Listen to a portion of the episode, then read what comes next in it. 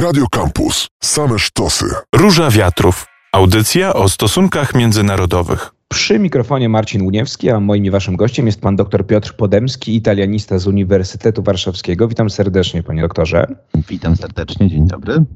Po przeszło 30 latach poszukiwań i ukrywania się na Sycylii zatrzymany został szef sycylijskiej mafii Cosa Nostry Matteo Messina Denaro. Policja przyszła po 60-latka, e, gdy przebywał w prywatnej klinice medycznej, która specjalizuje się w operacjach plastycznych, więc pytanie, czy pan nie chciał sobie zmienić wizerunku, żeby się ukrywać jeszcze dłużej.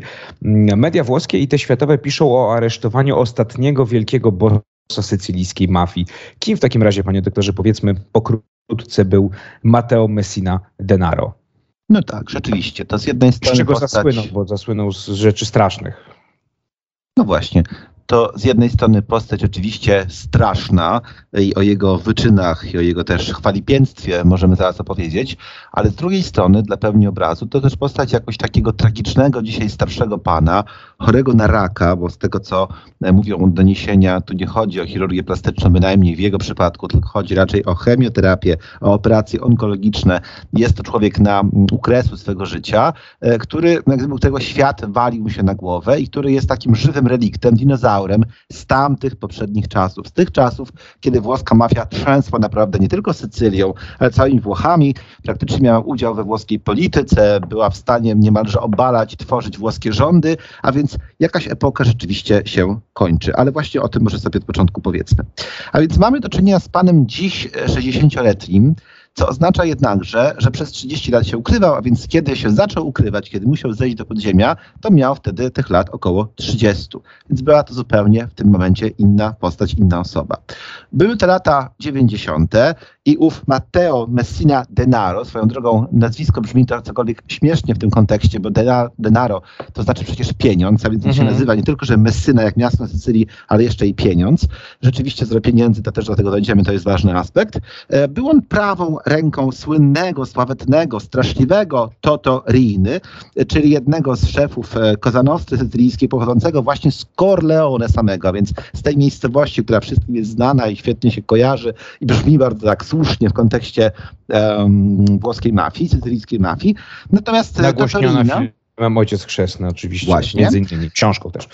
Natomiast Totorina został aresztowany już w roku 93, e, a dzisiaj oczywiście już nie żyje, bo kilka lat temu w ogóle w więzieniu e, włoskim zmarł. A więc po odejściu w cień do więzienia Totoriny, jego dawny ulubieniec, jego dawny protegowany, e, Massimo Tenaro pozostaje rzeczywiście na widoku publicznym. No i zresztą jest oskarżany o to, że nie tylko odpowiada za liczne morderstwa, tutaj możemy poza tym, że standardowo likwidował po prostu słynnych przeciwników, przeciwników mafii, naturalnie zbuntowanych mafiozów, likwidował, zabijał także osoby, które były w innej akurat rodzinie, w innym klanie mafijnym, wchodziły w konflikt z jego klanem, który on osobiście reprezentował, a więc wtedy właśnie ich zabijał, to jednak ma też na swoim koncie takie zbrodnie już mocno, mocno makabryczne, czyli nie tylko, że zabił jednego z tego mafijnego rywala, ale jeszcze udusił własnoręcznie ponoć jego ciężarną partnerkę, a do tego jeszcze zamordował po torturowaniu przed nim 11-letniego syna innego mafioza, który tym już szczególnie mafii zawinił, że był tak zwanym bentito, czyli tym, który pożałował, który się skruszył, skruszeńcem, który się nawrócił i który współpracował z policją i po prostu donosił na swoich dawnych kolegów. I to 11-letnie dziecko zostało porwane, torturowane, zabite, a następnie no, w takim bardzo filmowym scenariuszu, ale to oczywiście lepiej wygląda na ekranie na, na, na niż w życiu, e, ciało tego chłopca zostało rozpuszczone w kwasie i wszelki ślad po nim zaginął. A więc taką to mamy postać. I co do najważniejszych jednak jeszcze rzeczy, to jest on zamieszany w działalność e, tej konkretnej grupy mafiozów, która podkłada bomby i w tych eksplozjach giną dwaj tacy sztandarowi sędziowie, bohaterowie włoskiej walki z mafią, czyli sędziowie Giovanni Falcone i Paolo Borsellino i jest to rok 1992. I to właśnie po tej także akcji bardzo poważnej, za tę akcję zresztą notabene dopiero trzy lata temu zostaje skazany na dożywocie, po tej akcji, kiedy już się naraził naprawdę włoskiemu państwu bardzo mocno i był takim na świeczniku poszukiwanym na liście dziesięciu najbardziej mm, istotnych dla włoskiej policji ludzi, wtedy właśnie schodzi do podziemia, wtedy właśnie się chroni i zaczyna swoje życie po włosku mówiąc latitante, czyli tego ukrywającego się przed sprawiedliwością. No ale pojawiają się naturalnie konkretne pytania. Jak to jest w ogóle możliwe, że przez 30 lat człowiek się ukrywa na Sycylii, jak się okazuje dzisiaj, mieszka w swoich stronach między swymi ziomkami, którzy przecież go znają, a ten lekarz, który go w tym momencie poddawał chemioterapii i który się nim opiekował, młody chirurg w tej ekskluzywnej zresztą klinice prywatnej La Maddalena w Palermo, położonej o kilkaset metrów od siedziby, od siedziby agencji do spraw walki z mafią, ten lekarz robił sobie ze swoim pacjentem selfie i to selfie, nie wiedzieć czemu, z prywatną osobą, przecież formalnie to była osoba w ogóle um, zupełnie nikomu nieznana, to selfie stało się wiralem w internecie i rozeszło się w tysiącach kopii przez WhatsAppa i inne jeszcze aplikacje między Włochami. Więc jest takie podejrzenie, że nawet ten lekarz świetnie wiedział, z kim ma do czynienia, choć naturalnie w dokumentach widniało inne nazwisko e, i chwalił się swojej społeczności, kolegom, partnerce, rodzinie, kogo miał zaszczyt operować. A więc sprawa jest. Wrócimy jeszcze, panie doktorze, mafii. do tego właśnie, z czego wynika to, że że szefowie mafii, czy mafiozi mogą się ukrywać przez, taki, przez tak długi okres. Ja tylko dodam, bo, że, że w mediach zachodnich pojawiła się faktycznie informacja, że to jest klinika, która specjalizuje się w w operacjach plastycznych, stąd te moje e, przypuszczenia, no jak się okazało, tak jak pan mówi, e, błędne, jeśli chodzi o, o tą wizytę e, Messino Denaro. Panie doktorze, to jeszcze krótko, bo mamy dosłownie minutę 40. Zróbmy taką naprawdę mm, e, szybciutką historię, skąd akurat we Włoszech wzięła się mafia i te trzy najpotężniejsze rodziny, czyli Cosa Nostra, Ndrangheta i Camorra. Gdzie sięgają te początki, początki mafii? Zanim przejdziemy do do czasów współczesnych jeszcze. W minutę, w minutę. No, niestety. E, dobrze. To długa historia oczywiście, ale ona sięga czasów kryzysu feudalizmu. Kiedy na przełomie XVIII-XIX wieku. Okazało się, że dawni panowie, szlachcice, baronowie już stracą władzę nad swoim dawnym terytorium i ich poddani staną się formalnie wolnymi ludźmi, to jest taka najbardziej powszechna teoria, uznali, że coś trzeba jednak zrobić, aby dalej móc to swoje dawne terytorium, feudum kontrolować. I uznali, że skoro tego nie można robić oficjalnie, legalnie, y, siłą zbrojną, zupełnie istniejącą zgodnie z prawem y, i pieniędzmi, to trzeba to robić pokątnie i potajemnie.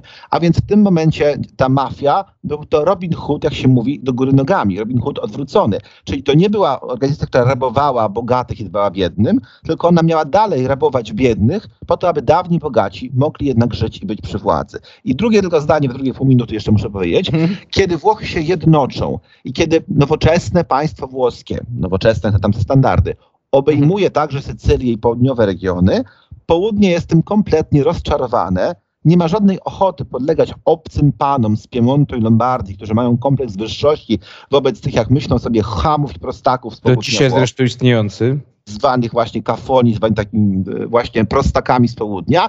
I w tym momencie społeczeństwo sycylijskie, społeczeństwo południowe zamykają się w sobie. Uznają dobrze, formalnie nie mamy wyjścia. Musimy przyjąć tak zwaną nowoczesność, tak zwane włoskie państwo, chociaż wcale nam się to nie podoba. Ale tak naprawdę my tu sami sobie będziemy się rządzili w ramach tajnej organizacji, która zobaczmy w tym kontekście nie ma wcale takich konturów przestępczości i mafii w naszym polskim zrozumieniu, tylko ma taki kontur wręcz patriotyzmu lokalnego, własnej tożsamości. My tutaj swoje sprawy załatwiajmy między sobą. I to dlatego właśnie tak trudno jest włoskiemu państwu, postrzeganemu jako czynnik zewnętrzny, te różne lokalne mafie, czy tę prawdziwą jedną mafię sycylijską jakoś zlikwidować. I tutaj kropkę stawiamy. Udało się, panie doktorze, bardzo dziękuję za tą super skróconą e, historię, a my do rozmowy za chwilkę powrócimy. Co aresztowanie Denaro, który przypomnijmy był synem innego wielkiego mafiozy, y, Castel Vernato Francesco Messiny, znanego pod pseudonimem Ciccio, oznacza dla sycylijskiej mafii? Czy to jest koniec Cosa Nostry, czy to jest za piękne i ta hydra się po prostu odrodzi tylko z kolejną głową na czele? To jest koniec pewnej epoki. Rzeczywiście istnieje takie we Włoszech przekonanie, taki jest też ton komentarzy w mediach, że jakiś rozdział się jednak skończył. E, skończył się rozdział e, tych dość smutnych, e, bardzo takich prostych i z gruba ciosanych panów z Sycylii, którzy byli w stanie rządzić i strach budzić wśród lokalnej społeczności w takim właśnie duchu postfeudalnym moje osiedle, moja dzielnica, moje terytorium i ja tutaj jestem całkowitym panem. I całowanie w czym- złoty pierścień, to tak... Y, s- Tak, przy czym nie mam za bardzo wam wiele do zaufania, do zaoferowania, tylko z jednej strony ja jako ten szef lokalnej mafii rządzę strachem, boicie się przeciwko mnie odezwać, bo oczywiście moi ludzie e, mogą stosować bardzo twardą przemoc, typu właśnie to rozpuszczanie słynne w kwasie was lub waszych dzieci, Ym, a z drugiej strony no, ja wam oferuję dość, powtarzam, proste, tradycyjne, konserwatywne wręcz, tak, reguły gry. Dopóki to jest Sycylia, Sycylia w większości to jest społeczeństwo jeszcze właśnie konserwatywne, niewykształcone, pozbawione ducha obywatelskiego, e, które się poddaje temu, co się tam e, dzieje, dopóty ten system może trwać. No i pytanie, czy ten czas się skończył, czy ta epoka przeminęła? Przypominam, mafia zaczyna się na terytoriach wiejskich początkowo. Tu chodzi o kontrolę nad prostymi chłopami. Potem, owszem, przenosi się w latach em, 60., powiedzmy 70. XX wieku do miast. Mamy już mafię niewiejską, mafię miejską. Tu już wchodzą w grę oczywiście wymuszenia haracze, e, to ciągle w duchu jeszcze tym starym przecież, ale narkotyki, e, pranie pieniędzy, nielegalne wysypiska odpadów, jest już biznes innego rodzaju. I niektórzy mafiozi się w tę stronę przekwalifikują, inni nie. No ale właśnie im bardziej rośnie na Sycylii ten duch oporu, ten duch nowego społeczeństwa, już wykształconego, świadomego, które nie chce żyć w tej hańbie, powiedzmy, w tym obciachu, krótko mówiąc, z którym Sy- Sycylię kojarzy cały świat, no tym, tym bardziej tych, tym mafiozom jest pod górkę. I cóż, e, bardzo mi się podoba jeden z komentarzy, który znalazłem we włoskiej prasie, e, który to komentarz przywoływał taki prosty fakt, że kiedy stu agentów, karabinierów w strachu i napięciu ogromnym wyprowadzało pana Diabolika, bo taki miał pseudonim ów e, Matteo Messina Mhm. Denaro, z tej kliniki, e, kliniki w Palermo, to wokół rozległy się brawa. Ludzie bili brawo. I to jest coś naturalnie no, niespotykanego w em, dawnych czasach, bo oni po prostu powinni się bać. Więc z jednej strony to daje taką nadzieję, że klimat społeczny się zmienił i że ten pan, powtarzam, to już jest starszawy nieco dinozaur poprzedniej epoki, którego właśnie złapano i era dinozaurów e, dobiegła końca. Ale z drugiej strony jednak ten komentarz, który chcę powiedzieć, mówi, że Palermo, miasto i Sycylia całe i to społeczeństwo jest jak rzymski Bóg Janus. Ma dwa oblicza. Nadal są ci ludzie, którzy boją się tego lokalnego mafioza, którzy coś mu zawdzięczają, bo on po- potrafi ich ratować z opresji życiowych, kiedy syn jest bezrobotny, kiedy skończyły się pieniądze na leki, kiedy był COVID, nie było pracy, to nadal oni pójdą do mafii po pomoc, bo nie rozumieją tego, że to jest większy koszt społeczny na przyszłość tego niż zysk e, krótkotrwały. I jest ta druga twarz tej wyspy, czyli już ci właśnie ludzie młodzi, zdolni, dynamiczni, wykształceni i tak dalej, którzy jednak chcą z tego całego bagna mafijnego wyjść. I dopóki ten Bóg Janus ciągle jest takim dokładnym, adekwatnym odwzorowaniem em, podwójnej, dwoistej natury społeczeństwa sycylijskiego, dopóty trudno jest oczywiście wyrokować kategorycznie, która z tych twarzy Janusa przeważa i czy naprawdę już taka tendencja ku tej nowości jest na tyle silna, na tyle zwyciężająca, że możemy mówić, że ten stary świat odchodzi w przepaść. Tym bardziej, że były doniesienia w czasach covidowych właśnie, jak to się ustawiały kolejeczki ludzi chętnych do tego, żeby od mafii dostać za darmo jedzenie i maseczki, ponieważ państwo włoskie nie było w stanie tam em, skutecznie zadziałać, zaingerować i tym ludziom dać poczucia pomocy i sprawczości. Panie doktorze, a co z innymi rodami, rodzinami, grupami, czyli y, Ndrangheta i Camorą? Jak one są obecnie silne i na ile one stwarzają zagrożenie? No bo skupiliśmy już oczywiście na Koza Nostrze, wychodząc od, od zatrzymanego bossa, no ale mamy jeszcze te dwie, y, te dwie rodziny. Czy one dalej e, zajmują się zamachami, porwaniami, strzelaninami, czy to jest raczej to, co pan powiedział, czyli to jest już taka mafia w białych kołnierzykach bardziej? Przeszła w biznesy, w kontrolę, no chociażby wysypisk śmieci na przykład, czy wywozu śmieci w ogóle.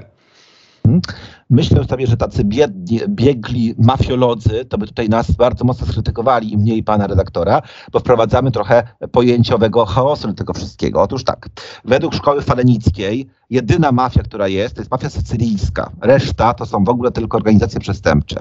E, Według szkoły otwockiej można mówić o różnych mafiach, prawda? I w tę Mhm. stronę w tym momencie sterujemy. Ale nawet jeśli tak, to Ndrangheta czy Camorra to nie są rodziny mafii sycylijskiej. Są to zupełnie odrębne organizacje. Organizacje. No tak. Mafia sycylijska oczywiście ma swoje rodziny, rody, klany, one też się kłócą między sobą i to bywa, ale Camorra neapolitańska, Indrangheta, która jest na południu Włoch, Puli zwłaszcza, oczywiście są to zupełnie inne organizacje i teraz wyrastają z tego samego pnia, z tego samego źródła, z tej chęci kontrolowania swego terytorium wbrew nowoczesności, wbrew państwu, wbrew przysyłanym najpierw z Turynu, potem z Rzymu urzędnikom, cwaniakom, mądralom, którzy chcieli nas tutaj, uczciwych ludzi z południa, po swojemu uczciwych, jakoś tam wyzyskiwać. Ale rzeczywiście, jak pan doktor powiedział, i tutaj się z tym jak najbardziej zgadzam, e, no, Camorra i Drangheta są to organizacje dużo bardziej w tej chwili nowoczesne, naturalnie także Cosa Nostra nie do końca tkwi w mrokach średniowiecza, natomiast jednak dużo bardziej nowoczesne. Drangheta mówi się, przypominam, ta nazwa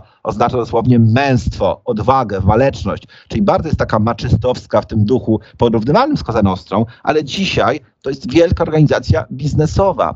E, raporty na jej temat mówią o ogromnej masie sieci inwestycji, od Meksyku przez Niemcy po Azję. Tu nie tylko chodzi o handel narkotykami na skalę globalną oczywiście, ale po prostu o inwestowanie od dawna pieniędzy z źródeł nielegalnych w zupełnie legalne biznesy, działalność gospodarczą, nieruchomości w całej Europie i tak dalej. A więc są to już naprawdę potęgi finansowe, i trudno jest e, osobie niewprawnej, a nie wszyscy są specjalistami do spraw mafii, wśród nawet organów ścigania światowych przecież, e, dojść do tego, co jest legalne, co jest nielegalne i to wszystko źródła pochodzi. Więc w tym sensie dzisiaj uważa się, że Cosa Nostra to żyje w cieniu własnej legendy i trochę odcina kupony od pewnej powieści i serii filmów, tak, o których mm -hmm. wszyscy wiemy. Natomiast tak naprawdę jest już cieniem samej siebie i powtarzam, to aresztowanie jeszcze dzisiejsze, ostatniego z tej wielkiej trójcy Rina, Provenzano i teraz właśnie Messina Denaro, to już jest koniec nawet tego serialu i nawet tej rozdmuchanej przez media popularności. A Tondrangheta i Camorra to naprawdę są w tym momencie mm, złotodajne żyły e, biznesowe, które pozwalają swoim ludziom się utrzymywać na powierzchni, bo to już jest mafia innego typu. Na pewno nie wiejska, na pewno miejska. Jest to mafia, która potrafi, e, że tak powiem, w internety i potrafi się poruszać w nowoczesnym świecie. Powstało mm, e, o czym piszą media, pewne nowe zjawisko, pewnie trochę naturalne. No, miejsce starych zajęli młodzi. E, tych młodych nazywa się baby mafią.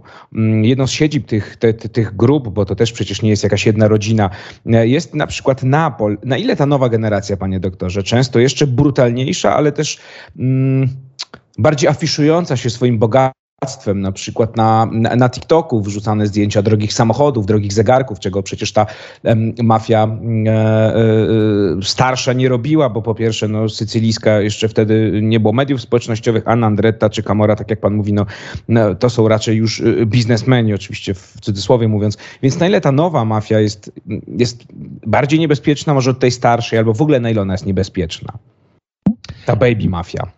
Naturalnie trudno jest tak do końca przeciwstawiać e, tę starą mafię nowej. Pan redaktor zaczął od tego, że ta klinika La Maddalena, w której został zatrzymany e, Matteo Messina Denaro, się specjalizowała w chirurgii plastycznej. Przyśpie początkowo w tę stronę luksusu i to nie jest do końca też e, rozumowanie błędne. Otóż raporty, które mamy policyjne i doniesienia medialne są takie, że również ten przecież nieco starszy jednak pan, nie idąc w ageism, czyli właśnie Messina Denaro, był aresztowany no, w całej okazałości okazałości swego bogactwa. Włosi się rozpisują z wielką lubością o tym, ile kosztował jego zegarek, który miał na ręku, a kosztował 35 tysięcy euro, um, ile kosztowały koszule, jakich były marek i że był to pan, który nie wygląda bynajmniej na strasznie zabiedzonego chorobą nowotworową, tylko raczej wyglądał na pana w ogóle w okres, świetnym okresie życia. Dalej odkryto w tym momencie właśnie e, tę jego, jak się mówi, norę, w której się krył, ale ta nora okazała się bardzo przyzwoitym apartamentem w centrum jednej z miejscowości na jego dawnym terenie, czyli Trapani. I tam znów włoskie media, co brzmi aż może niestosownie, ale tak się o tym rozpisują, e, odnalazły poza masą pieniędzy także i uwaga, wiagrę, prezerwatywy oraz liczne rachunki z restauracji. Czyli bogate tym, życie pan prowadził. To bogate życie było. No i co prawda on być może, jak powtarzam, osoba trochę z innej epoki jednak swej świetności. On akurat już się w społecznościowych nie udzielał, natomiast ten lekarz, przypominam jak najbardziej, mm wysyłał, rozsyłał te fotki właśnie z tym panem, który był pewnego rodzaju jednak celebrytą.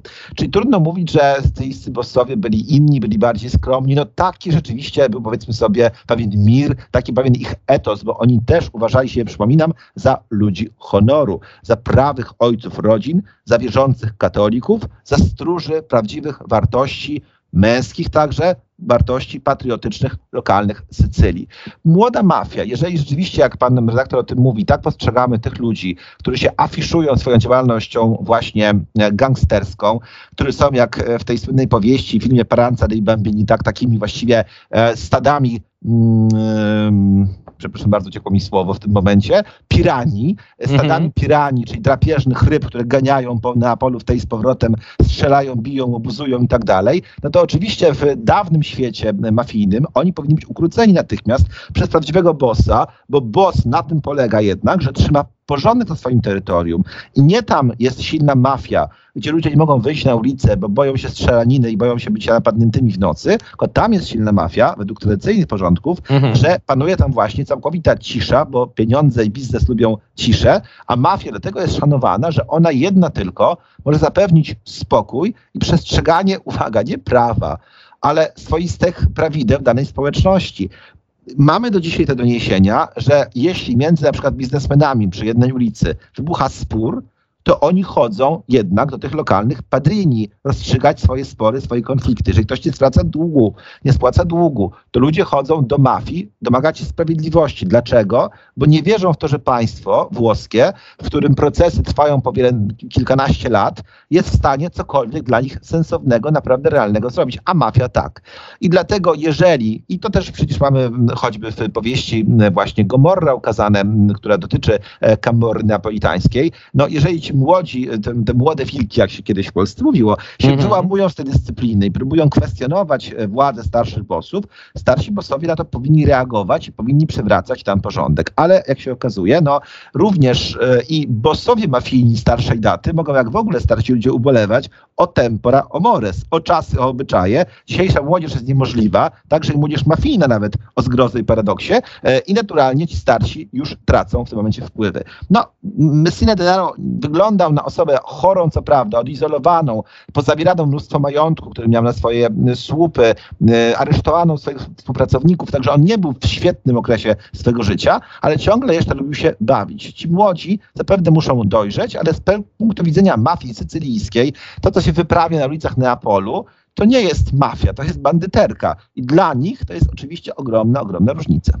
Panie doktorze, y, dosłownie jednym zdaniem, przepraszam, że tak pana znowu yy, ograniczam w ramy czasowe.